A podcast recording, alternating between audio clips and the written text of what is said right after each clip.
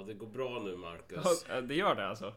Ja, för mig går det bra. Jag får ju fan saker gjort. Jag gick upp klockan halv fyra i natt och var lite så här småbakis. För det var ju ett... Det, det är farligt många sådana här möten som man säger, vi kan ju ta en öl. Ja, jo men precis. Och, och så blir man lite eh, glad. Men... Eh, och du är sjuk. Ja, jag har haft någon jävla förkylning som har varit så här asjobbig. Uh, för du vet, man har varit lite så här halvsjuk i 5-6 dagar. Eh, och så tänker man, kan inte den här skiten gå över så att man blir sjuk? Eller att den bara försvinner så att det liksom tar slut. Så får man det man vill, att man blir sjuk på riktigt typ. Um, och det var inte så himla kul det heller. Så... Um, ja, nej. Jag har mest legat hemma och typ sovit och försökt att... Sen när man vaknar och tänker man jag har ingen energi alls så jag bara väntar på att jag kan sova igen.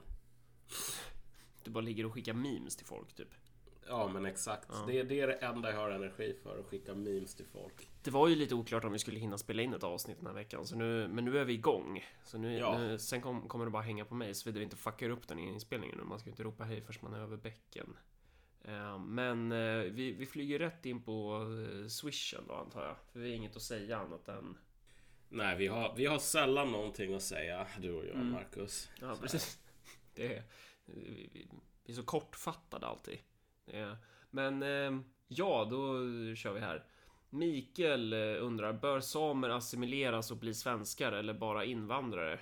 Alltså, jag tror att vi har pratat om det där förut och hela grejen med samer idag är väl att de typ de är ju liksom knappt ens...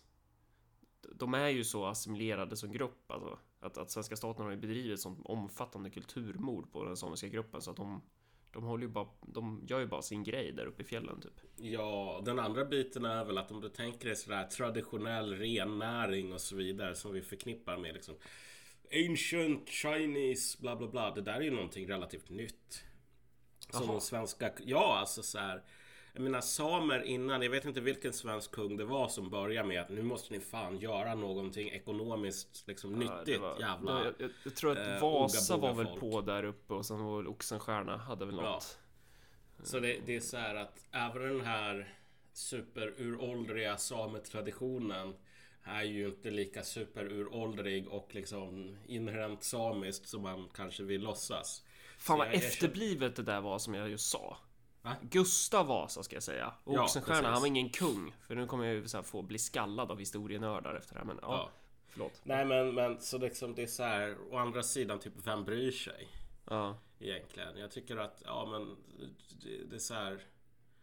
Jag har, jag har ingenting emot att samer håller på och gör typ samegrejer, hatar vargar, whatever så här. Det är så länge de inte ska hålla på och utropa en egen stat eller kanske införa sharia-lagar eller vad fan det nu är de, de hittar på. Det är ju det som är grejen med assimilering, ja. att det är ju inget så här, återigen den här diskussionen om det är ingen jävla idédiskussion utan det, det, det är så här vad, vad funkar? Vad måste man göra typ för att så. Exakt, och det där eh, om du tänker dig, det var ju någon som sa angående Örebropartiets grej om man ska förbjuda de här muslimska friskolorna. Att det ändå var någonting ganska nice med att man sa att det är de muslimska friskolorna som är problemet så att man inte säger ja vi måste typ förbjuda tusen olika kristna liksom, friskolor i det här landet och sen kanske någon muslimsk friskola hänger med så här. Att, jag menar i slutändan så får man ju fan vara modig nog att säga vart problemet ligger och vart det inte ligger. Så ja, och alla religiösa så. vet väl att det finns ju grader i helvetet. Ja. Och det är, det, som är, det är just det som är poängen liksom. Så jag menar, vi kommer inte direkt att börja prata om att äh, vi måste ha assimilering av samer så här, för att vi, vi för assimilering. Så. Jag menar, de är ju inte riktigt... Äh, alltså, om du, så länge som du inte är en varg så är typ samer inte ett problem. Om du är en varg, okej, okay, då är det inte så himla kul med samer. Men annars så, whatever. Men inte, inte värmlänningar är farligare då? Om du är varg? Alltså de är också farliga, men samer, de, är, de, de gillar inte vargar har jag hört. De gillar verkligen inte vargar. Det är vargar som befinner sig i närheten, de bara... De, de bara dör av blyförgiftning, helt mysteriskt sådär. Sjukt. Så, ja. Ehm, Ja, Alexander skriver är konservativ på grund av att jag hatar fattiga människor. Det där kommer vi prata lite om i det här avsnittet, kanske.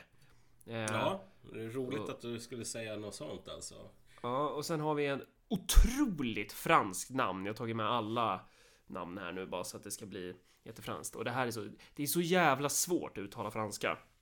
Man heter eh, Julien Jean François. Eh, och han skriver, jag vet inte hur man uttalar det här. Vivant les Gilets Jones. Vivant le Gilets Jones, kanske. Jag vet inte.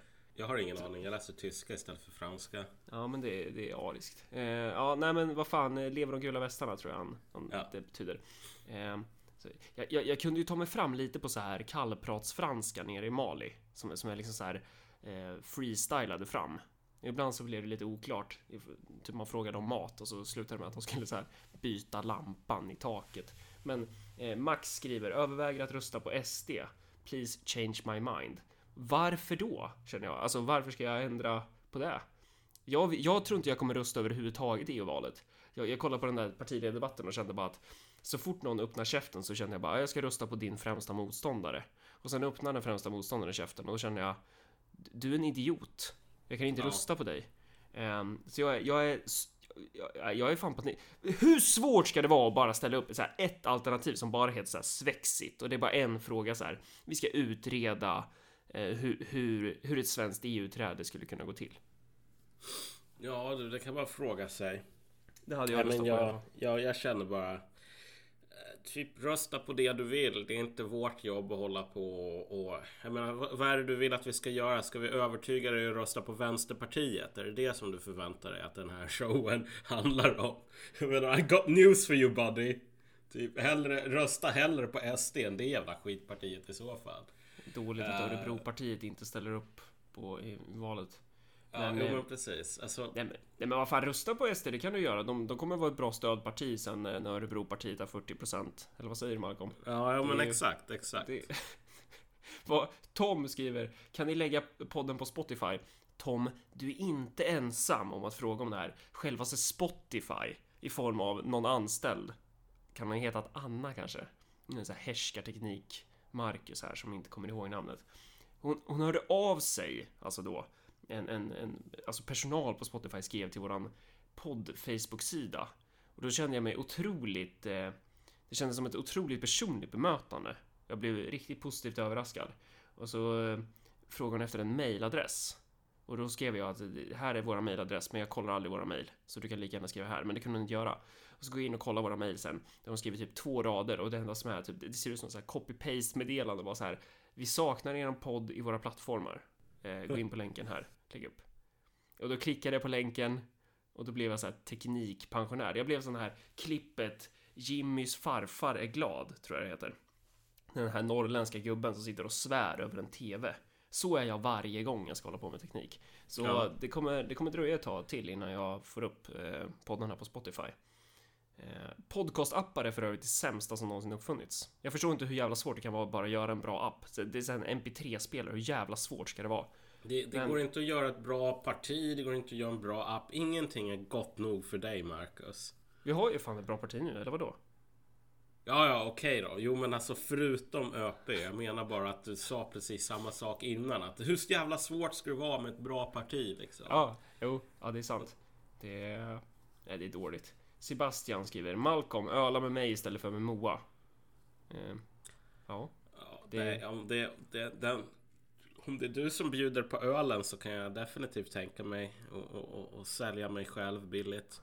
Ja, bra. Ehm, Felix läser Proletären ser likheter. Skillnader KP slash ÖP? Frågetecken. Alltså det är ganska många kan man väl säga. Men... Eh, nej men alltså det, det skulle väl krävas lite grann av ett eget avsnitt. Ja, jag vill inte bli ihop... Jag, jag, vi har ingenting med dem att göra.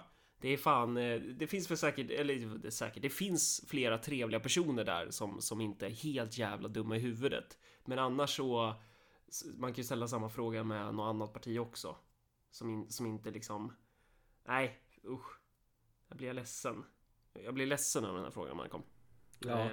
Jonas, ni två höjer den politiska ribban mest i Sverige. Det där är ju helt sjukt att någon kan tycka det. Men eh, kul är det ju att, att, eh, att höra. Eh, per, eh, tips på ämne. Sveriges nedrustning av försvaret. Ja, eventuellt. Jag vet inte. Och, Mm. Jo, men alltså Eh. det är ju... Cliff Notes på den är bara att det är, det är dåligt. Det är jättedåligt. Men det har, har att göra med att det här landet har en ekonomi som är som typ Tintin i Sovjet. Där det är bara en jävla kuliss. Sen bakom den här kulissen håller allt på att gå åt helvete. Så då har man inte råd med ett försvar. Uh, nej, precis. Det, det är också så jävla rimligt. Vi har inte råd med... Det är typ så här, det, det, det, så här. Kärnan i en stat är liksom att någon snubbe håller i en knölpåk och hotar andra. Det är ju det som är liksom våldsmonopolet är ju det som... Men ja, eh, Jonny skriver tack för en bra podd, dricker Grolsch och njuter. Jag Ja. tycker inte Grolsch är så himla... Alltså det är ju helt okej. men det är Du, jag- jag fortfarande tänk- en plebb. jag tänk- Ja, Ja. jag tänkte också kommentera det och sen så kände jag bara att är det något, är det något område där man inte ska vara dummande eh, och liksom eh, försöka assimilera folk in i rätt ölsort så är det ju öl. Ja, jo, du har ju helt rätt. Men jag känner man, om, man, om man håller på och skryter. Det är en sak om någon sa om jag sitter och dricker Elk Brew. Då kan man säga som, som någon i, i eh, vad heter de nu? Det här odla ditt klasshat-töntarna. Eh, allt åt alla. Ja, precis. Då kan man Ja. säga som någon i allt och alla bara oh, gud så proletärt. Men alltså Grolsch, då har man, då har man gått ut ur den här liksom inga PVP-zonen i World of Warcraft. Då befinner man sig i Badlands. Då ska man inte bli sur om det kommer en level 60 och bara gankar en för att man dricker Grolsch. Grolsch, den flaskan ser ju rätt god ut dock. Ja, Men, eh, jo. Ja, det är. Ja. Eh, ja, och så ska vi säga tack till Emelie, Johan, Jörgen, Max, Asbjörn, Viktor, Mikael och Kristoffer också. Och tack till alla Patreons. Det var Det är många vita män bland dessa Patreons. Ja, det är jävligt många vita män. Eh, men, nu, men nu så... Nu, de, de kvinnor som swishar här Jag vet inte de, om jag ska skratta eller gråta åt alla dessa vita män som håller på och donerar pengar till podcast, Marcus. det, är, det är ju lite det vi ska prata om nu.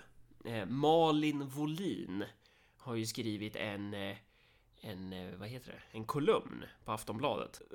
Så vi, vi ska väl helt enkelt prata lite om den där kolumnen eh, innan du typ eh, klappar ihop och, och Ja. däckar för att du är förkyld. Jo men alltså precis. Egentligen så var väl planen att vi skulle snacka om den här Yang Gang och UBI idag. Men sen, nu har jag ju varit i lite dåligt skick. Men det är jävligt bra på ett plan att, att inte bara att jag är sjuk utan att den här grejen kom upp. Därför att, alltså det är ett, ett ganska viktigt ämne och det har en vi får chans att komma med en poäng här som Jag, jag kände ju eh, spontant att så här, bara, men hon är ju fyra år efter. Så här, vi, Ja. analys, vi, vi, vi sågade ju någon så här Anders Lindberg-text för länge sedan. Då han skrev om så här Vernon Dudley och, och sånt där. Eller Dursley eller vad fan det var. ehm, gällande Brexit och det här med vita kränkta män och hela den harangen. Alltså typ samma form av diskurs. Men det här börjar komma tillbaka nu. Och det är det som är så sjukt att, att de, de har inte lagt ner. Och jag känner bara så här, men har ni inte lyssnat på podden? Känner jag. Ja, nej, men alltså, men det, det måste man ändå säga. Men Anders Lindberg, det var en tidigare modell. Det är som någon sån här, eh, liksom, vad heter det? Uh, nej, men så här, JAS, typ draken mot dagens JAS Gripen. Alltså att man kan se vissa likheter. Men Anders Lindberg körde ju det här att okej, men vita män, de är dåliga på grund av att de har alla de här attributen. Och så var han tvungen att spendera texten med att förklara att ja, men vita män är arga precis som Dudley. De är inskränkta precis som Dudley och därför är vita män dåliga. Alltså vita män i den här nya texten. Vi behöver ju också förklara vad den handlar om så här i slutändan. Men, men i den här nya texten. De är liksom en fritt flytande signifier. Alltså att du behöver inte ens gå in på typ varför vita män är dåliga. Utan du behöver bara säga vita män mer eller mindre. Och så har du liksom gjort det. Vilket tyder på att den här, det här... Det här är ett sätt att argumentera på som har så att säga mognat. Så om vi, om vi försöker igen då med att introducera texten. Ja. Eh, Och det, Fan, det, vad jag kom dålig jag på är. det, det är nog en bra idé. Fan, Ja men det är så jävla typiskt. Marcus och Malcolm. Och det bästa är när man sätter sig och ska redigera typ så här två och en halv timmes långt avsnitt och så, så, så hoppar vi bara på någonting utan att berätta vad det är vi pratar om så folk får så här gissa sig det. Hur som helst, Malin Wollin på Aftonbladet har skrivit en text om bensinuppror, upp, upp, upproret blir det, inte uppropet, upproret, bensinupproret. Eh, så det är vad det handlar om och så raljerar hon över, den här, över det här upproret då. Och det är det här vi ska prata om. Så. Ja. Och nu tyvärr så har Aftonbladet satt den här artikeln bakom plus. Vilket Mm. jag tror att de gör med artiklar som um, blir ganska skämmiga. Så att de inte Ja, vill det är att folk ska är- länka till dem och skratta åt dem. Ja, det är det som är frågan om det är att de försöker, att de ser att den delas som fan. Eh, kan och därför vara. vill Men, tjäna pengar på det. Eller om det är liksom att, att det bara är så här. Nej, det är träligt. Vi kan inte stå bakom det här, men vi kan Ja. inte typ ta bort den heller. ja, men alltså för hennes argument var ju... ehm, eller du, eh, du kanske ska köra den genomgången, tänker jag. Ja, Du du får hjälpa mig här. Fyra. Men, men man, man kan dela in texten i fyra områden. Och det första är ju det här som vi pratade om i förra avsnittet faktiskt. Och det är ju det här med eh, när människor upplever fel eller känner fel eller tycker fel. Eh, så måste man ju liksom från etablissemangets sida tillrättavisa folket ifall de upplever någonting som inte stämmer överens med den stora sanningen så att säga. Eh, Mm. Så ifall poliser till exempel upplever att eh, att, det, att man inte har kontroll på jobbet, då ska man liksom inte ehm, säga det högt. Man ska Nej. hålla käften, för det, det, det är en falsk upplevelse. Och ifall ehm, människor på landsbygden i Sverige, eller ja, människor i Sverige överlag, upplever att bensinpriserna faktiskt typ kanske har en viss påverkan på ens privatekonomi. Att det här typ hänger ihop. Så. Ehm, då ska man döma ut den upplevelsen som en falsk upplevelse. Ja, Det här har, det här har egentligen inte hänt. Eh, och, och det är ju liksom en central del i det här att döma ut den upplevelsen och göra sig rolig på den. Mm. För hon skriver ju liksom, hon vet inte om hon ska skratta eller gråta över att det är 115 000 män som eh, är förbannade på det här med bensinpriserna då. då. Ja, och jag bara, jag var inne och kollade på den där gruppen. Alltså för det första, det är typ närmare 200 000 eller typ över 200 000 medlemmar och det är så här, alla är inte män. Nej, hon Så- skrev texten igår dock. Eh, så Ja. det är väl, och då var det väl 100 000 då. Så. Ja, det kanske Eh, och, var. nej, och alla är inte män. Men det är ju också det är ju punkt nummer två här. Eh, att alla inte är män. Eh, och det är ju just det här med att hon... Ja, men att hon använder eh, mannen som någonting dåligt. Mm. Att liksom att, att skriva att det är 115 000 män. Det, det, det är ju då ett bevis på att det här är någonting dåligt. För männen är ju sig själv liksom skräp enligt den här Ja, ideologin. Och det då, som- behöver som- inte skrivas ut längre. Du kan bara säga män och sen punkt. Ja, och sen bara hö hö män. Hö, hö. Eh, och, och det är ju också så intressant för då är det så här. De här männens upplevelser och känslor. Eh, de är ju dåliga. Men frågan är vad som är värst. Att, att de här männens upplevelser inte erkänns. Liksom att man inte tar dem på allvar. Eller att man inte ens erkänner att det finns kvinnor här. Att det finns liksom kvinnor i arbetarklassen. Så här, ensamstående mödrar, you name it, som har ett helvete att få budgeten att gå ihop. Och nu ska man så här behöva typ välja bort en, jag vet inte, välja bort en julklapp till någon av ungarna typ för att man ska ha god moral och klimatkompensera för att de här jävla miljöhjältarna i regeringen ska, ska rädda världen. Ja. Alltså, jag, jag menar, den saken som jag tycker är intressant här är ju att om man är, om man är på den här eh, nivån av ja, men, autistisk idioti, idioti, då tänker man så här, men har hon inte förstått att så här, när man är ute på landet och ser man att det är åtminstone en 40% kvinnor som bor där. Åtminstone, det kanske till och med är en 45 eller till och med 50% kvinnor ute på landet. Ganska många kvinnor. Har hon inte förstått det? Så här, varför, varför nämner hon inte kvinnorna? Men... Och, där, och då kan man ju ta det här steget till att säga att hon vill förminska kvinnorna. Hon vill säga att kvinnor spelar ingen roll. Nej men, Men- hon gör ju kvinnorna till män. Ja, jo men exakt. Det är exakt det. Ja, hon transformerar ju dem till männen och här och då, det är då man kan återkomma till vad betyder männen då? Ja, vad är exakt. det för någonting liksom? Visst, det finns 50% kvinnor på landsbygden, men det är bara det att i det här fallet så råkar alla de vara män. Ehm, och och det är, det är ingen slump att det är så. Det är ingen miss. Du kan inte ändra på det här argumentet genom att upplysa henne om att nej, men vissa av de här har XY-kromosomer och vissa har typ två X-kromosomer. Det går inte. Utan det finns en poäng med att använda ordet män här och den poängen liksom så att säga föregår argumentet. Uh, man vill få ut någonting här och alltså fakta kommer inte att ändra på det man vill få ut. Och det är ju då alltså, då, då förnekar man ju inte bara de här kvinnornas liksom, upplevelser, det gör sig roligt på dem, utan man bara, de här kvinnorna finns inte. Nej, de existerar inte. De är luft. Eh, och sen den tredje aspekten här, det är ju en, någon form av total alienation från samhällsproduktionen överhuvudtaget. Alla de här människorna som skriver saker som det är ingen mänsklig rättighet att... Punkt, punkt, punkt. Och då i det här fallet, det är ingen mänsklig rättighet att bo på landsbygden. Alltså, ja. nej, det är ingen rättighet. Det är nödvändighet. För att om vi inte har folk som bor på landsbygden och gör de här jävla grejerna som typ driver de här elkraftsverken från Norrland så att vi här i södra Sverige överhuvudtaget kan få el. Då blir det liksom svårt att ha en ekonomi. Eh, vi, det, landsbygden fyller en funktion. Människor bor inte där de bor på grund av fri vilja utan det är på grund av ställningen i produktionen. Och det där är också sån jävla bullshit när jag bara tänker det är ju ingen mänsklig rättighet. Ja men vet du vad, det du just sa det är för det första inte ens ett argument. Nej. För att alltså, mänskliga rättigheter är inte ja, men, som typ kvarkar som bara existerar där ute och så finns det liksom ett sånt antal kvarkar och vi människor har bara att ta ställning till det. Utan det är alltid en fråga om vad är det som vi tycker är en mänsklig rättighet. Det är inte någonting som föregår människan. Um, och det roliga är ju att samma människor som säger att det är ingen mänsklig rättighet att bo på landet, hö, hö, hö, är ju de människorna som också kommer att säga att uh, vadå? Det är ju en mänsklig rättighet att typ komma till Sverige till exempel.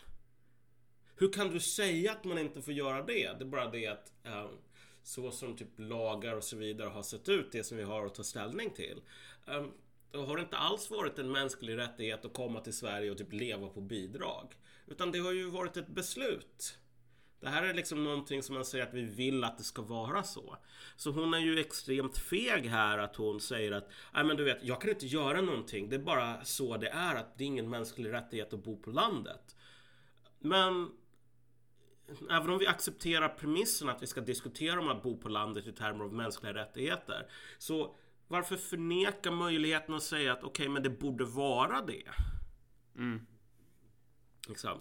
Som sagt, jag, jag avskyr det här ofta den här rättighetssnacket. Men det är så extremt fegt att låtsas som att rättigheter inte är någonting som vi människor kan diskutera tillsammans som bara händer och sen så får rest, resten av oss ta ställning till det efterhand. Precis, att rättigheterna skulle vara något universellt ja. skilt från samhället som inte vi har makt över och bestämma ja. över. Och det är ju inte alls så. Det här är någonting som man förhandlar ihop gemensamt. Mm.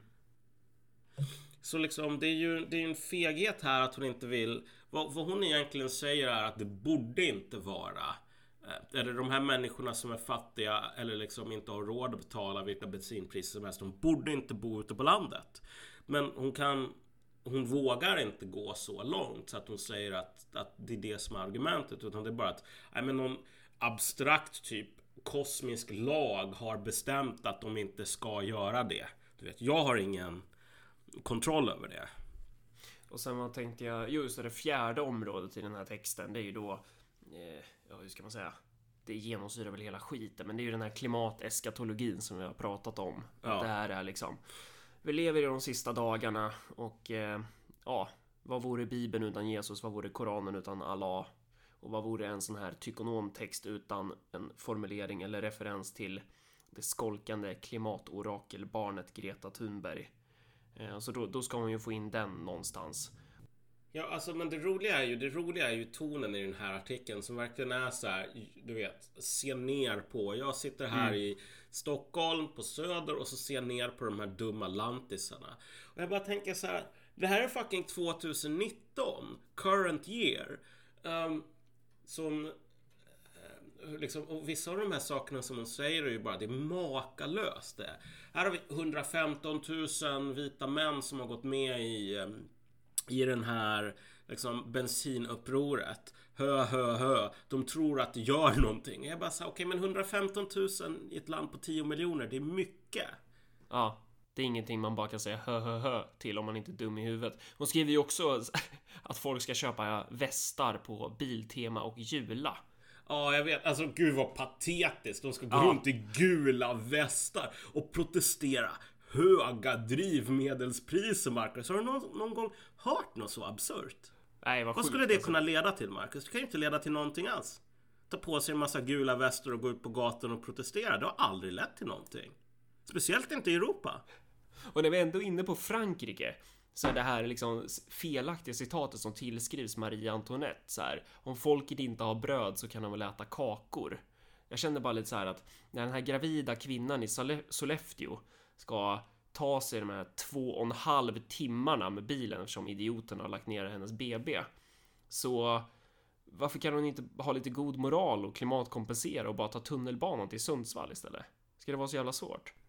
Och det där är det som är så himla kul med den här texten att okej okay, det är inte nog med att man har den här hö, hö, hö, låt dem äta, liksom, låt dem äta kakor, låt dem ta tunnelbanan. Men att du skriver det 2019 efter ja. att det har visat sig att alltså, det här är ett jävla getingbo man inte ska sparka på. Liksom. Det finns en jävla potential. Um, det är, jag undrar om det här är någon sorts avancerad satir eller att den här människan verkligen är så jävla efter fucking bliven att hon tror eh, att att, att den där sortens nedlåtande um, du vet, oh, gud vad dumma de här landsbygdsmänniskorna är, faktiskt funkar. För, för det är kanske är så att hon håller på och trollar hela Sverige här. Men, men, men jag, jag tvivlar, tyvärr. Tyvärr är det nog inte så. Och man ska ju inte fastna så mycket vid henne för att med risk för att låta som jag vet inte vad, men hon är ju en NPC. Alltså, ja. Det är ju faktiskt vad hon, alltså hon, hon internaliserar ju bara den här eh, den härskande klassens ideologi på något sätt. Eller den härskande klass, det är fel. Den här rådande ideologin. Eh, alltså, eh, och det är ju det som är intressant. Det är, det är därför hennes text är så jävla... Det så här, du och jag skulle ju inte ens kunna raljerat ihop den texten. Alltså i våran podd, typ, när vi snackar om hur sjuk i huvudet vänstern är.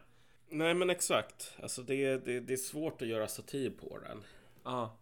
Uh, och det är ju det som är så jävla sjukt för man tänker sig att de borde ha levlat. Men på ett sätt har de ju levlat som vi var inne på med det här med Anders Lindberg och man behöver inte ens utveckla det här med varför det är fel att vara man utan ja. alla vet det idag. Alltså, det, det, är fel liksom. Speciellt om du är vit man från landsbygden och, och, du kan uppleva som kränkt. Då jävlar. Fan vad hö hö. Jag tycker så här att det finns en intressant aspekt här när det gäller just drivmedelspriser. Därför att det finns ju den här gamla definitionen på att det heliga, det är typ det som det är någonting som ett samhälle slösar pengar på. Alltså saker som inte är um, ekonomiskt användbara men som man lägger ner massor med tid och energi och resurser på ändå. Det är liksom det som ett samhälle håller heligt. Och det här är ju... Äh, shit. Fan, Fa fan du får lite så här Zizek-ljud nu. Ja, jag vet. Jag vet. Jag borde kanske vara förkyld mer så att jag kan verkligen utveckla den auran. Ja, men men det som är intressant här är att, kolla, vad vi har här är typ medelklassen som har någonting heligt. Här får man slösa pengar, här får det vara dyrt, här får det vara ineffektivt. Och det är just den här miljöfrågan. Men det roliga är att de som ska betala för det här, det är inte medelklassen själv. Utan du har folk som säger mer eller mindre, självklart ska bensin vara dyrt. För att det är bra. Vi kan inte ha massor med billig bensin för då kommer de här lantisarna åka runt i sina epa-traktorer för mycket och det, vi kan inte ha ett samhälle som bygger på det där. Ja, herregud, det vet vi att det enda folk, den enda arbetarklassen på landsbygden, det vill säga hälften av typ Sveriges befolkning, gör det är ju att hoppa in i sin amerikans, sån här amerikanarbil typ. Och ja. runt och dunka, dunka plåt till Eddie Medusa. Vilket men, för övrigt är jävligt bra aktivitet. Men ja. men ja, det är så de tänker. Men det roliga här också att alltså Märk moralismen. Därför att de här människorna kommer att bli fett triggade. Om du bara säger att eh, de här raggarbilarna, förutsatt att de existerar, så är de en väldigt liten... Um, de spelar ingen roll. Det spelar ingen roll om man kör en timme raggarbil eller typ fem timmar raggarbil. Därför att de stora sakerna som faktiskt spelar någon roll när det gäller utsläpp, det är kolkraftverk i Kina. Mm. Då kommer de att säga så här mer eller mindre att okej okay då, jag erkänner att de här kolkraftverken i Kina släpper ut tusen miljarder gånger mer än de här raggarbilarna. Men vi måste statuera ett exempel. Alltså att det är den här i slutändan, kolla. De här raggarbilarna de ska inte finnas av moraliska skäl. Nej, exakt. Och det, och det är då man börjar komma in på det nästan religiösa. Att det är något sånt här man blotar till moralen. Ja, exakt. Du vet, i Örebro så har vi ju infört en intern eh, bensinskatt.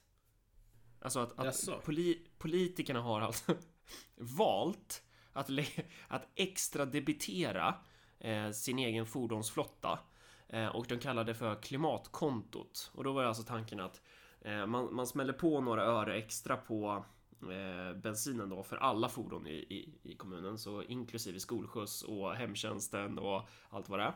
Eh, och sen så ska de då pengarna som samlas in ska användas till klimatnytta.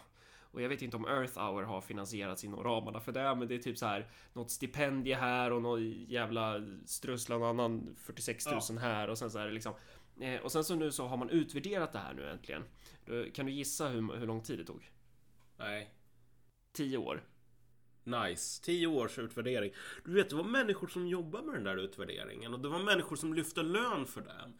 Så, och det här visar ju liksom på den här det här är verkligen Tintin i Sovjet. Det här är en viktig poäng här. Ja. Eh, så efter 10 år så har man kommit fram, de har spenderat ungefär 10 miljoner på 10 år som, som man då har debiterat hemtjänsten. Eftersom hemtjänstens budget är så jävla superpressad så har man ju bland annat av någon konstig anledning som har slutat använda bilen när man kör ut matlådor till gamla människor. Så man ska så här halka runt på någon skraltig jävla cykel när det är så här skitisigt i februari typ och så bara kommer man och ska så här leverera den här matlådan till Agda 96 och bara här, här får du liksom eh, tumlad eh, fisk och potatis. Varsågod, den är kall också.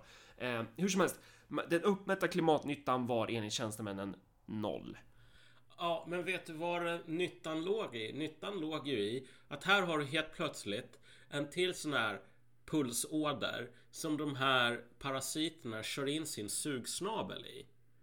Fatta om du kan liksom beskatta någonting, alltså skolskjutsar, hemtjänsten, varje resa. Så säger du, varje 10 kronor som du betalar ska du betala typ 3 öre till mina polare. Jag har ju inte full koll på vad man har gjort med de här pengarna, men man skulle ju i teorin kunna leka med att du anställer en, en hittepåtjänst ja. eh, som har till uppdrag att sälja in den här ideologin. Medan ja. då undersköterskorna bara slirar runt i, i slasken. Så. Eh, men, och inte bara då att klimatnyttan är noll, liksom att tjänstemännen står där och säger och så typ så här, det blir så här skitdålig stämning på kommunstyrelsemötet så här. Moderaterna skrattar ju rakt ut typ. Eh, och, och sen så visar det sig också att man har flygit och sen flygresorna har ökat för man har tyckt att man måste åka på studiebesök till Finland för att se hur man bedriver skola typ. Så det, nej ja, vad kommer de fram till? Jo, då kommer de fram till att eh, vi, vi, vi kan inte lägga ner den här satsningen än. För vi måste utvärdera den mer. Men det är ju just det som är grejen här. Att, alltså den här heligheten, återigen. Det som är heligt för den här medelklassen. Det är samtidigt saker som gör att folk i den här medelklassen kan hålla på och jobba på de här grejerna. Och så har de det här att, nej men vet du vad? Vi måste ha den här skatten på all ekonomisk verksamhet på typ 0,5 för att vårda typ folks själar. Och sen så ser man, åker man ner till Rom och så ser man att ja, men typ alla präster knullar runt och så håller de på och bygger skrytbyggen för pengarna. Mm. Mm. Um, och det är just det som är det intressanta här att det här är en så, här ser man verkligen den här klasskillnaden i i um, men i, i det här projektet. Och det är väl kanske därför som man måste skriva sådana här artiklar som de i Aftonbladet och man bara spyr galla över de som ska betala kostnaderna. De som betalar kostnaderna för det här hela projektet, alltså de är inte bara de är inte bara trångsynt utan de är äckliga och giriga och dumma och liksom allt det som människan, allt det dåliga i människan, det är vad de är. Till sin natur när man höjer den här typen av skatter, det är som sagt moms typ. Alltså det här är ju verkligen så här tydlig klassprägel. Ja. Att det slår ju stenhårt mot arbetarklassen. Ja. Och vad, vad, samma jävla äckelregering, de har ju gett mig skattelättnader eftersom jag är en höginkomsttagare nu, även om jag eh, bara behåller halva lönen, men jag lever jävligt gött på det ändå. Eh, så att jag, om jag hade så här, jag har ju fått liksom eh, sänkt, de har ju tagit bort, vad var det, värnskatten tog de väl bort, de har ju Ja. liksom sänkt min skatt. Så här, för, för någon som tjänar 67 000, den, den personen ska få sänkt skatt. Men den ensamstående morsan ute i Det finns ju ensamstående morsor där ute. Det finns bara vita män och sen finns det Ja. vita män med livmödrar. Ja, eller vem som helst egentligen. Alltså det är det som är så... ehm, så att den här miljöfrågan blir ju mer och mer tydlig och det är så här, jag vet inte, det kanske inte är någon nyhet när det kommer från oss två, men så här, det handlar om klass. Ja. Det handlar om klass. Alltså, Exakt. mil- miljödebatten är underordnad klasskampen också. Ja. Eh, Och det är, ju, det är ju inte nödvändigtvis en klasskamp som bara står mellan liksom arbete och kapital, utan i Sverige så har vi den här liksom, vi ska inte säga transferiater för det är fel, men, men den här medelklassen Mm. som, som, som är däremellan. Eh, och det där är ju... Eh, det är kanske där man ska återknyta till vad han... Eh, det var Alexander tror jag det var. Eh, jag ska bara dub- dubbelkolla vad han skrev i sin swish här. Är konservativ på grund av att jag hatar fattiga människor. Fan vad fel du har Alexander! Du är så jävla fel ute. Du är helt fel läger. Ja, exakt. Alltså kolla.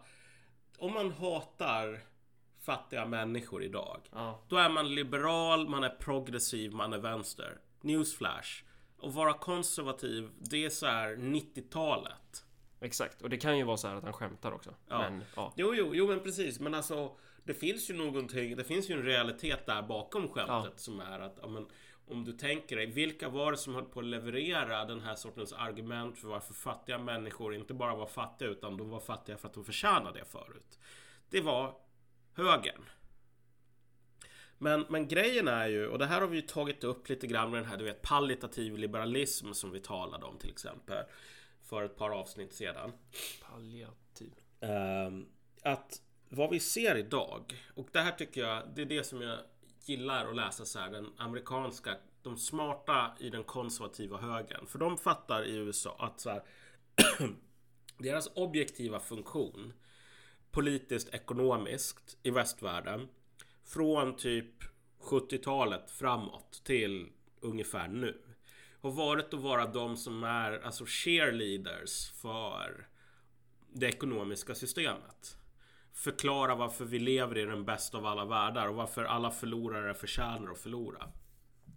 Och alltså i USA, om du är konservativ, det är jätteuppbundet i din självbild, eller du har varit det under ganska lång tid, att så här, den konservativa är en försvarare av liberala värden. För liberalerna det är så här dumma hippies. Så de kan inte försvara liberalismen utan det måste vara konservativa som skyddar allt det här som vi kallar liberal demokrati.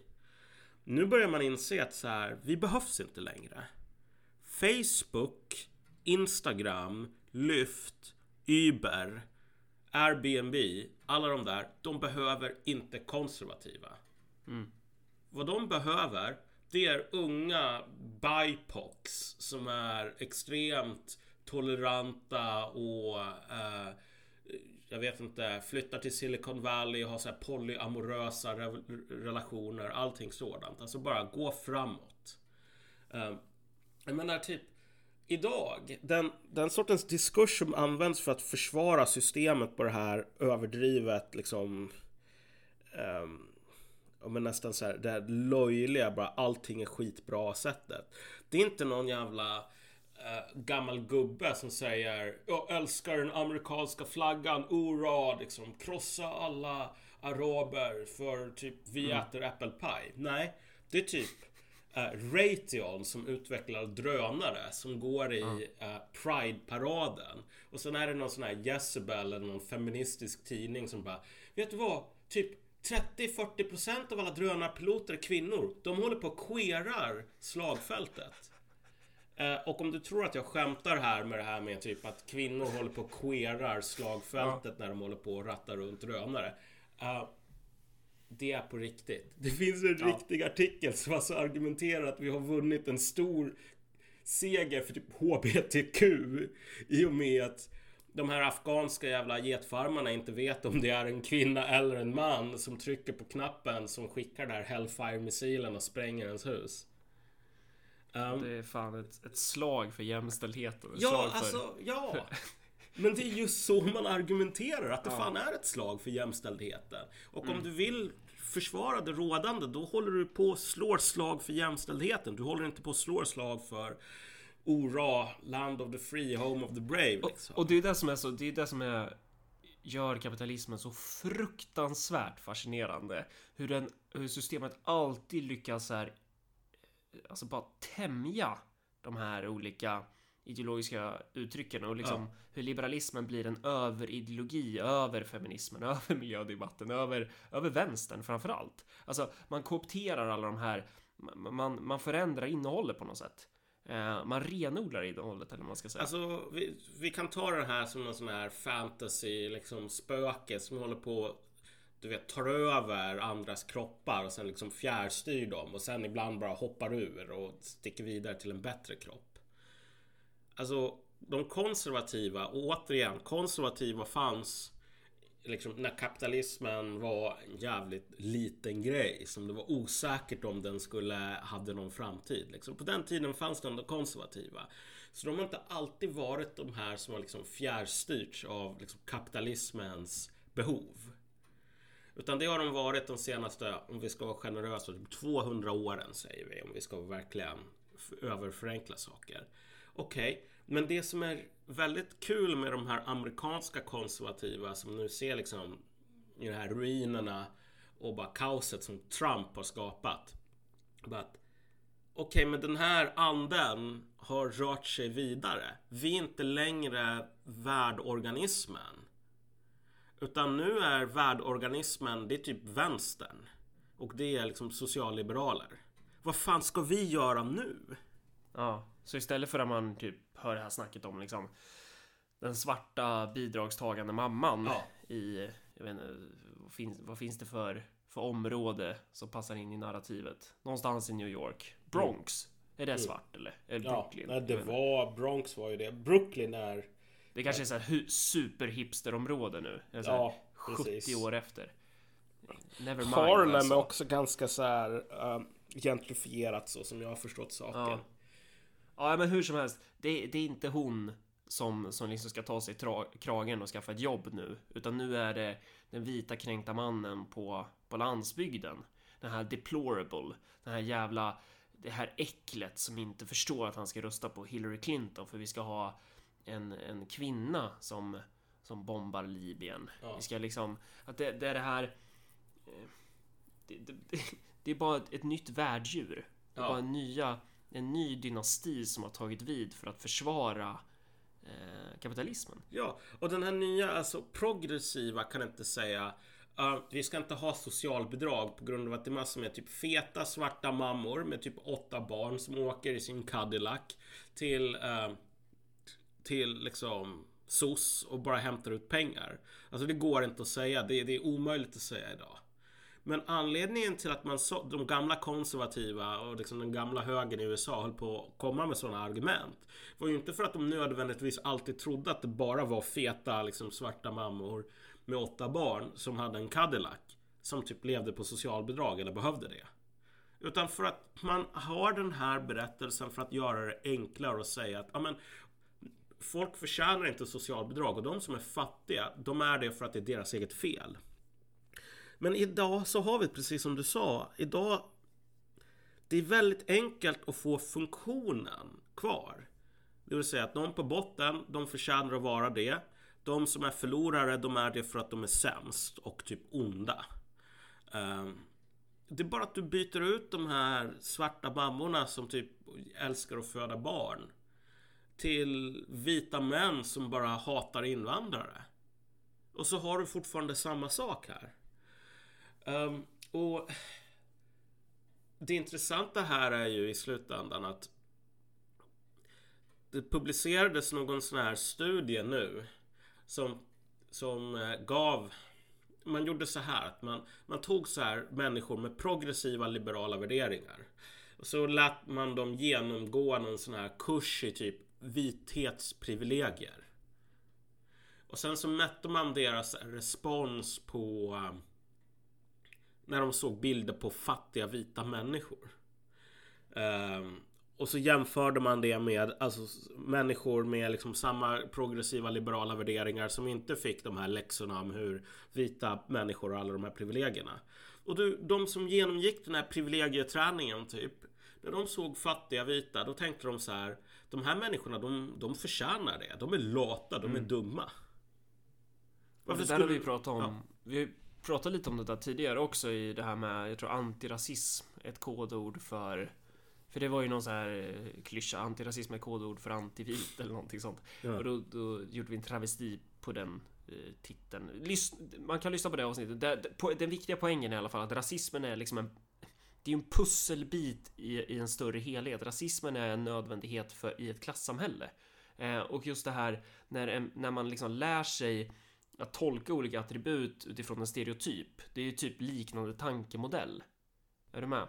Mm. Alltså rasismen behövdes ju inte i, i Europa under medeltiden för att alla hade samma hudfärg. Så då var man tvungen att hitta på något annat narrativ för att legitimera varför man skulle ha ett brutalt klassamhälle. Eh, det är väl lite där du är inne på nu? Eller? Ja men exakt. Jo, och det är ju mm. det som är så himla dumt när man ska försöka importera så här diskurser om vithet till typ Europa. Därför att jag menar, är romer vita? Är judar vita? Är polacker vita? Ja, alltså i, i, i dagens här, hur man bedömer de här sakerna i USA, bara ja. Men alltså det har inte den här effekten av att alla när de ser en polack på byggarbetsplatsen tänker Hallå min vita broder! Rasrena hälsningar liksom. Det är inte så det funkar. Um, men, men, men återigen alltså. Den här, och det är det som jag menar i, början av det här avsnittet med att alltså, vi har sett den här sortens diskurs, alltså den har mognat. När um, Riksmongot Lindberg skrev sin artikel om typ Dudley. Då var han ju fortfarande tvungen att konstruera en bild av vithet. Vithet som någonting negativt. Jag tror att det var... Heter han inte Vernon Dursley? Ja, Dursley, precis. Dudley är någonting annat. Det är framför Och, det, och det, det, är också en viktig aspekt att använda Harry Potter ja. när man är den här typen av progressiv liberal. Ja. Då Harry Potter ska användas till allt. Ja, ja, men definitivt. Men, alltså, men, men på den tiden, den gamla goda tiden, då var det ändå så att Lindberg behövde göra ett jobb i att liksom bygga det här fågelboet. Liksom, dra ner pinnar och liksom konstruera den här strukturen. Vita är det här, vita män är det här. Nu behöver man inte göra det längre. Nu är det så här, du behöver bara säga vita män och så går den här associationsgrejen grejen eh, liksom, på autopilot. Um, och alltså varför har, är det vänstern som har varit så jävla upptagen med att konstruera en diskurs vars praktiska funktion är att säga att människor som är förlorare i samhället, de förtjänar att vara det. Jo, för att vänstern, sin självbild till trots, är de som är de, den här nya bäraren av... Uh, har du spelat typ Diablo?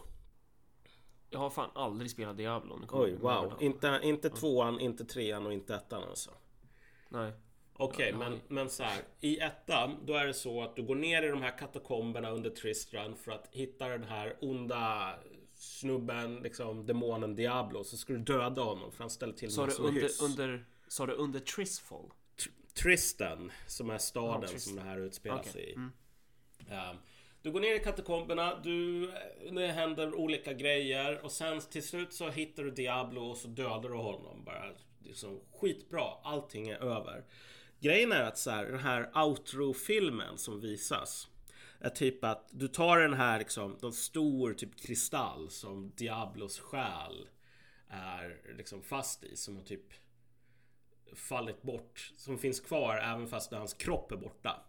Och så, din, och så ser du liksom att din, din karaktär bara tar den och bara kör upp den i pannan. Av någon jävla dum anledning. Och går därifrån. Och sen så är liksom grejen med Diablo 2 är att du jagar den som du spelar i första spelet. För han har kört upp den här kristallen i pannan av någon dum anledning. Så nu är han Diablo i princip. Och alltså, här är grejen. Vänstern är den här karaktären i slutet på Diablo 1. Man håller på att slåss mot de här dumma konservativa som ska hålla på och säga att ja men vet du vad, fattiga människor de förtjänar att vara fattiga för att de är lata och dumma, de knullar runt. De har dåliga åsikter. Vi har ett perfekt samhälle därför att de som är på botten, vi vet att de förtjänar att vara på botten. Okej, okay, det tyckte man var jättehemskt. Och sen, helt plötsligt utan man märker det själv, så tar man den här stora kristallen och kör upp den i pannan och så börjar man snacka på precis samma sätt. Um, och det roliga här är ju återigen att alltså den här högen, vad är, var, varför håller man på att typ attackerar? Um, tänk dig hur vänstern håller på att attackerar um, ehm, folk idag. Det är så här att de är nasbolls strasseriter, vilket också är sjukt konstigt. De är såna här eh, smygfascister, de är populister och så vidare. Okej, okay, men du vet, vet du vad motsatsen till populism är i, i den här liksom begreppsparet? Det är elitism. Motsatsen till populism är elitism. Det är tron på att du behöver ett par utvalda eliter som liksom står över den här breda pöbeln som är kvalificerade och faktiskt har åsikter och bestämma saker. Och det roliga är ju att när du håller på och är så extremt eh, upptagen med att attackera populism så är anledningen för att du är för det som, som är motsatsen normalt sett. Men man vågar inte ens säga det själv för att det krockar för mycket med den självbilden man har. Men det där kommer ju, det är ju det där som vi kommer se nu, tror jag. Jag tror jag sa det i det här avsnittet om klimateskatologi också, att, att det, det här kommer bara bli ännu mer aggressivt och ännu mer ärligt. Ja. Till slut så kommer du inte ens behöva prata om, om män. Du kommer inte behöva hitta på den grejen, utan det räcker med att bara säga ja men pöben eller så här folket. Ja, ja jo precis. Jo, jag tror det också. Det kanske blir så att man kommer att gå först till vita. Att man inte säger vita män, utan man säger vita. Men det kommer bara också vara en sån här stadie som är en transitionsfas. För förr eller senare så kommer man att landa i att det är pöben. Man kan inte ens lita på de här jobbiga iranierna som har en livsmedelsbutik. För de köper inte den här skiten heller. Mm. Nej, precis. Så slutpunkten här är liksom ett hat mot pöbeln. Och återigen... Ja, nej förlåt. Ja. Kör på. Ja men... Ja men... Eh, ja. Jag vet inte, du kanske hade något som var mer naturligt där. Nej men jag tänkte bara att återigen, alltså det som gör att vi, vi, vi fick den här idén att göra det här avsnittet om den här artikeln i Aftonbladet där bara att den är ju verkligen så himla extrem. I, i termer av att okej, okay, det är 2019. Gula västarna håller fortfarande på. Och du skriver en grej som mer eller mindre är att kolla de här dumma idiotpöbeln. De tror att de kan gå och köpa gula västar på Biltema och klaga över drivmedelspriser. Jag vet inte om jag ska skratta eller gråta åt deras så här inskränkthet. Och sen alltså, var hon förvånad över att, att folk kunde driva med den här millinära kulten kring Greta Thunberg ja, också. Jo, eh, exakt. Alltså, det är så himla extremt, men de här människorna, de har ryggen mot väggen på ett plan. Um, och, och, det finns ingenting som är mer drivande för um, radikalisering än en känsla av att man håller på att förlorar. Alltså ta, du vet, Trump vann valet. I, den, I en bättre värld, eller en bättre värld, men i en värld där människor var lite mer rationella än vad de är då skulle ju typ responsen från överlag från vänstern ha varit så här Shit, okej, okay, det här var inte någonting som vi hade i, i liksom våran planering. Vad fan var det som hände och vad gör man för, vad är det för lärdomar man ska dra av det? Jättestora delar av vänstern, och då talar jag inte bara om så här demokrater, utan jag talar om så här DSA, sådana typer. Och spendera... Ja, Democratic Socialists of America. Ja, precis. Nej. Som är typ Vänsterpartiet fast i USA. Liksom. Ja, Lite samma typ. skrot och korn. Ja. Uh, men, men... Men inte de lite mer spårade eller? Jo, de, de är lite mer spårade men det är samma typ av människor. Ja. Jo, absolut. Det är klart. Men, men så här, de har spenderat de här senaste tre åren nu med att hålla på med den här idiotiska konspirationsteorin om att det är så här ryssarna som typ köpte valet. Nej, det, alltså det var ingenting som var fel med våran approach till politiken. Och det är inte så att Trump ändå hade någonting när han sa att alltså USA är inte så jävla great. Men, men det, är ju, det är ju samma variant som Aron Etzlers valanalys efter valet 2014. Ja. Tror jag. Att det var... Eh, operationen var perfekt men patienten blev inte frisk. Exakt. Det Men- alltså, det... Man flyr in i de här... Ja, men allting är bra, men det är bara yttre faktorer, yttre faktorer, yttre faktorer. Ehm, för att man fattar ju att det är någonting som håller på att gå sönder här. Tänk, tänk om man hade gjort så här istället. Bara så här, okej, folk är fly förbannade över bensinpriserna. Så vi sänker bensinskatten. Ja. Tänk om man hade haft, tänk om man tänkte så här bara, ja men det primära för mig är inte några stora ideal, utan det primära för mig, jag har ett uppdrag, det är så här tjäna folket. Se till så att arbetarklassen får det bättre. Se till så att så många som möjligt i det här samhälleliga jävla triaget, så många som möjligt ska få det bättre. Eh, bara, bara försöka utforma en politik för det istället. Så att man kanske inte, man, man kanske inte, istället för att höja bensinskatten så kanske man kan sänka den. Ja. Jo men precis, jo den behöver ju fan sänkas. Därför att um, i slutändan, de, här människorna i bensinuppropet, de har inte fel. Bensinskatten eller bensinpriset är enormt högt.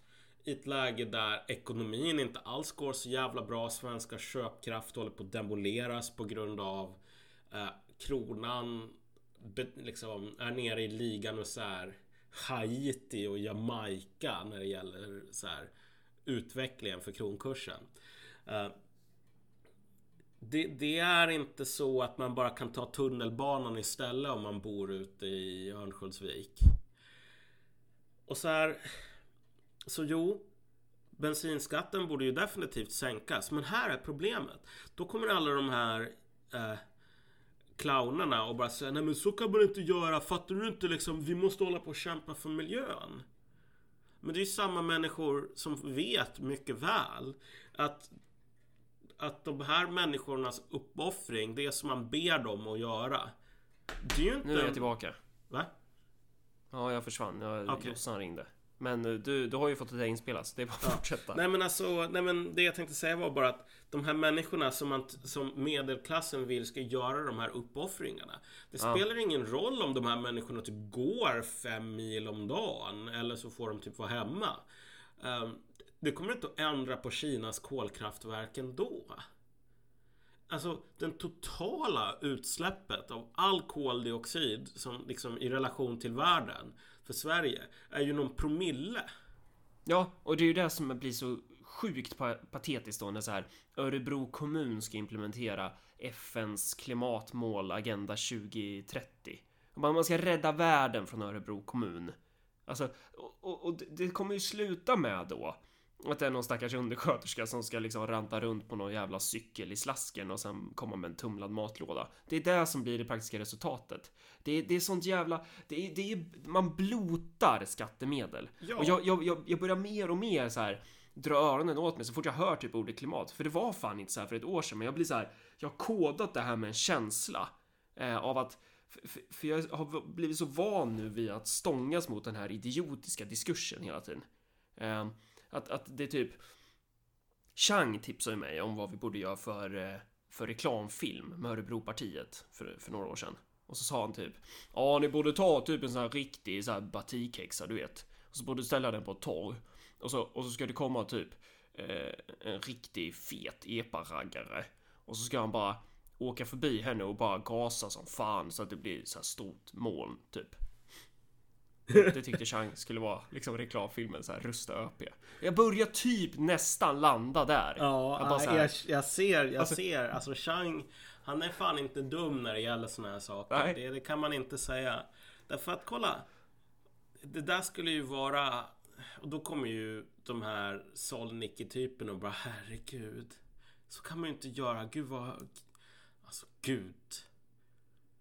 Vad, vad, vad dumt. Eller- Nej, men, ne- Never mind, never mind. Ja. Vi, vi, vi skiter i det. Vi säger så här, Anders Lindberg-typerna då, då. De kommer att säga det här är fascism.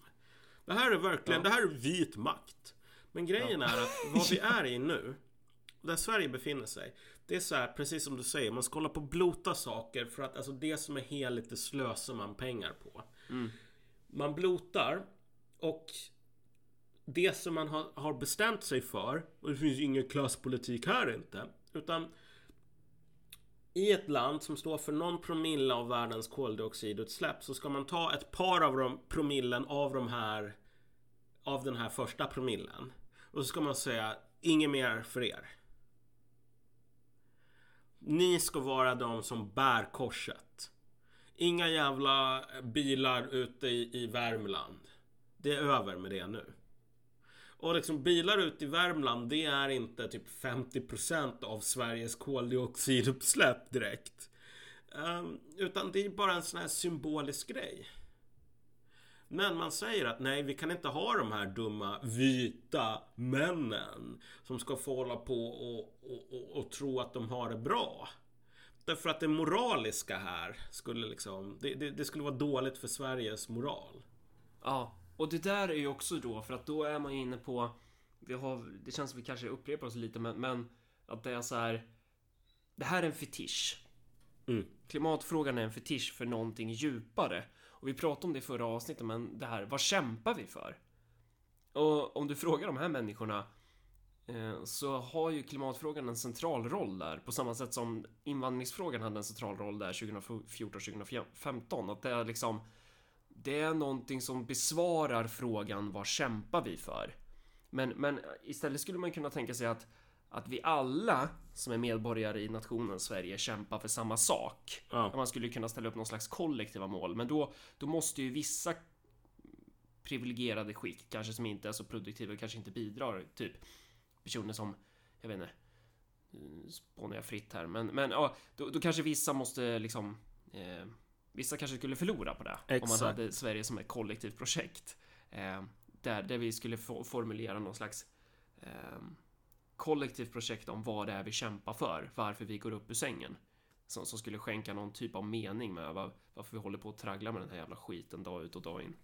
Ja men precis, jo jag håller med och sen är det också så här att i, i den mån som olika former av klasskompromisser är omöjliga och det är inte en helt obetydlig mån. Uh, I så fall så får man väl fan ta och välja rätt klass. Hellre de här epa-raggarna än batikhäxorna. Och åter då till varför jag tycker det är så fruktansvärt naturlig position. Alltså för, för att jag kommer på mig själv med så här bara när folk typ ifrågasätter som typ när jag var ute då efter eh, på den där Navid Modiri grejen eh, och Henrik Jönsson och, och, och de runt bordet bara så här. Men du är ju inte marxist. Typ. Alltså du är vettig. Du kan inte vara marxist. Eh, att bara det är så här. Det är en så skev. Man, man börjar ju tänka typ är jag det? Är jag kommunist? om jag inte har liksom en, en piercing i septum och blått hår och är bara dum i huvudet typ. Och så bara, fast det, det mest naturliga borde vara att så här, utgångspunkten ska vara just tjäna folket, Ja. förbättra för arbetarklassen. Ja men exakt. Alltså, och då, då om du definierar det först, då kommer ju åtgärderna följa på det. Precis. Så då, då har du liksom ringat in vad är det för problem vi ska lösa här. Istället för att du på förhand bestämmer jag vill, jag vill jobba med de här och de här teknikerna, jag vill tycka det här och det här och jag vill stå för det här och det här. Fast det, det är ju fel ände liksom. Ja, exakt. Och det är det som är, det är det som är vänstern idag. Det är därför man hamnar på en så här diametralt motsatt position än vad de gör. Att man som kommunist hamnar på en diametralt motsatt position än vad, än vad moderna vänstern gör. Ja, vänstern och liberaler idag, deras position gentemot arbetarklassen och speciellt folk på landsbygden är mer eller mindre så här. Vi som bor i städerna, vi må vara beroende av er, att ni håller på och jobbar i industrin och liksom bidrar till ekonomin, vilket folk på landsbygden gör. Um, det typ, var kommer elen ifrån? Var kommer skogen ifrån? Den kommer fan inte från typ Stockholm. Ehm, men okej, ni får vara där ute. Men vi som lever på det här sättet som vi är jävligt bekväma med. Vi har massor med komplex och ångest över massor med saker. Och därför skulle vi uppskatta om ni kunde lida för våran skull så att vi kan hoppa på planet till Teneriffa och inte ha så himla mycket ångest. För att någon har i alla fall klimatkompenserat. Det vill säga ni som inte har råd att åka bil. Ja. Och Alltså- det där är också, man kan nästan ana den här skadeglädjen i, för det är ju någonting positivt om det är en vitkränkt man som lider. Ja, exakt. Det är ju en triumf i det, det är ju någonting gott. Ja. Och då, låt oss i så fall, om vi nu ska utgå ifrån vad är det man behöver göra, tjäna folket, säga att den politiken som behövs. Och sen så får man kalla, säga att okej, vi är kommunister eller att vi inte kan vara det för att det här är inte galet. Det, får man, det, det lämnar jag upp till var och en. Men det som behövs här är i alla fall en politisk kraft som säger nej, tänker inte acceptera att folk på landsbygden ska hålla på och lida för en totalt symbolisk grej. Som den här medelklassen i sin självgodhet ska hålla på att tvinga på resten av landet så att de kan hålla på och fortsätta leva så som de gör och så som de inte tänker ändra på. Men liksom genom det här bondeoffret, för det är vad det handlar om. De, de här människorna vill ha ett bondeoffer. De vill blota med andra människors blod. För att ingenting ska behöva ändras i Stockholm. Bara nej, vet du vad? Blota med ert eget jävla blod i så fall. Ehm, det är någonting som behövs. Så återigen, det kommer inte eh, våra etablerade partier att leverera. Nej. Jag, jag, jag tänkte på det där med kommunism och populism och sådär. The stars are aligned, känner jag bara. Om du, om du lägger tre stycken enkronor på varandra och så tittar du på dem uppifrån, då har du ju svårt att se att det är tre stycken. Men så, lite så känns det att det är liksom så här att man nästan hamnar rent naturligt idag, kanske som eh, kommunist, populist, nationalist, att man liksom det blir som de här tre enkronorna. Att det är lite svårt att skilja dem från varandra. Att det blir liksom en naturlig position förutsatt att, att du utgår från den här gamla käpphästen om att nej, men det handlar om klass.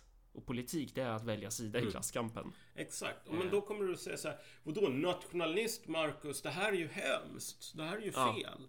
Men då, alltså svaret på det får alltid bli att okej, jag hör vad du säger kamrat. Och jag önskar er lycka till med era äh, vegomiddagar och äh, antifascistiska knypplingskurser. Och så får ni sortera bort alla de här problematiska vita männen och alla cis-människor och så vidare och så kalla dem skräp. Eh, Men vi kommer inte att göra det. Och så får vi väl se vem som kommer i mål först.